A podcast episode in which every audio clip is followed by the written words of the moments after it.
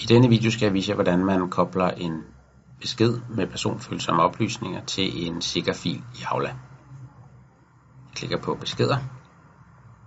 Så her har jeg modtaget en besked, som indeholder personfølsomme oplysninger. Jeg trykker på de tre prikker, så starter jeg med at markere beskeden som følsom. Siger ja. Bagefter så trykker jeg her, og så trykker jeg på tilknyt beskeder til sikker fil så kan jeg vælge her, om det skal være hele beskedtråden, eller om det kun skal være øh, dele af en beskedtråd. I det her tilfælde, så siger jeg, at den her tråd her, vi kommer til at have, den skal kobles på. Så siger jeg tilknyt. Så har jeg allerede en øh, fil her, som jeg har oprettet, som passer til.